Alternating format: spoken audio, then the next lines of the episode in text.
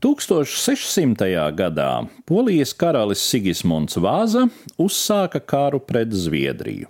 Vēl gadu iepriekš viņš bija arī Zviedrijas karalis, bet, būdams pārliecināts katolis, nespēja noturēties protestantiskās valsts tronī. Tagad viņš gribēja vismaz atņemt jaunajam Zviedru karalim Kārlim IX Igaunijas ziemeļdaļu kuru Zviedrija savulaik bija iegūsi saskaņā ar Savienības līgumu, kas tika slēgts Sigismundam, kļūstot par abu valstu monarhu.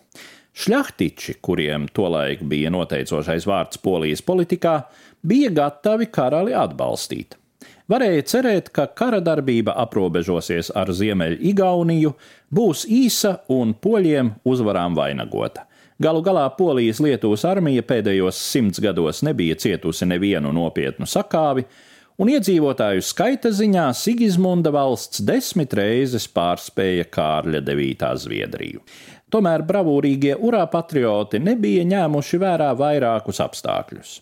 Pirmkārt, liela daļa polijas spēku bija saistīta valsts dienvidos, kur tā jau ilgstoši stīvējās ar turku sultānu un Austrijas ķeizaru par ietekmi Moldāvijā un Transilvānijā. Otrakārt, Zviedrija, atšķirībā no Polijas Lietuvas, bija centralizēta valsts ar labi nostādītu obligātās karaklausības sistēmu, tāpēc spēja mobilizēties karam daudz ātrāk.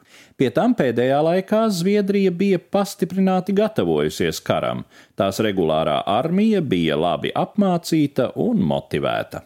Tā no poļiem par lielu pārsteigumu viņiem ne tik vien neizdevās ātri iesviest zviedrus somu līcī, bet jau visai drīz bija jādomā, kā noturēt vidzemi un Rīgu. 1605. gadā, kad karš ar mainīgiem panākumiem bija risinājies jau piecus gadus, Zviedri sāka plašu uzbrukumu un aplenca Rīgu. Aplencējus komandēja pats karalis Kārlis IX. Viņa rīcībā šeit bija vairāk nekā desmit tūkstoši pīķnešu un musketieru, kādi trīs tūkstoši jātnieku, tā sauktie reiteri, bruņoti ar zobeniem un šaujamieročiem, un 11 lielgabali.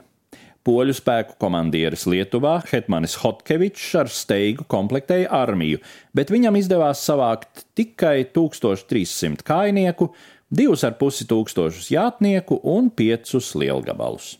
Tiesa, lielākā daļa poļu kavalērijas bija slavenie spārnotie huzāri, pīķiem bruņoti jātnieki, kuru segliem aizmugurē piestiprināta spārniem līdzīga konstrukcija. Šīs kavalērijas triecienu bija grūti izturēt jebkurai armijai. Pie tam šajā gadījumā pareizāk būtu runāt par lietuviešu huzāriem, jo lielākā daļa viņu nāca no Lietuvas un, kā vēsta kronikas, kaujā devušies saugdami lietuviski - mušk, tas ir sitieb, sadod. Ar šādu armiju Hetmanis Hotkevičs 1605. gada 27. septembrī ieradās pie Kirchholmas, tagad mums zināmas kā Salaspils. Kārlis IX ar lielāko daļu savu spēku devās viņam pretī. Zviedru pārsvars bija apmēram viens pret trīs. Pie tam poļu kainiekus, kas lielākoties bija tā sauktie haiduki, drīzāk paramilitāras daļas, nekādi nevarēja salīdzināt ar labi apmācīto zviedru infantēriju. Hotkevičs lika uz savu vienīgo trumpi - huzāriem, kurus komandēja Jans Pavels Sapieha. Aprēķins izrādījās pareizs.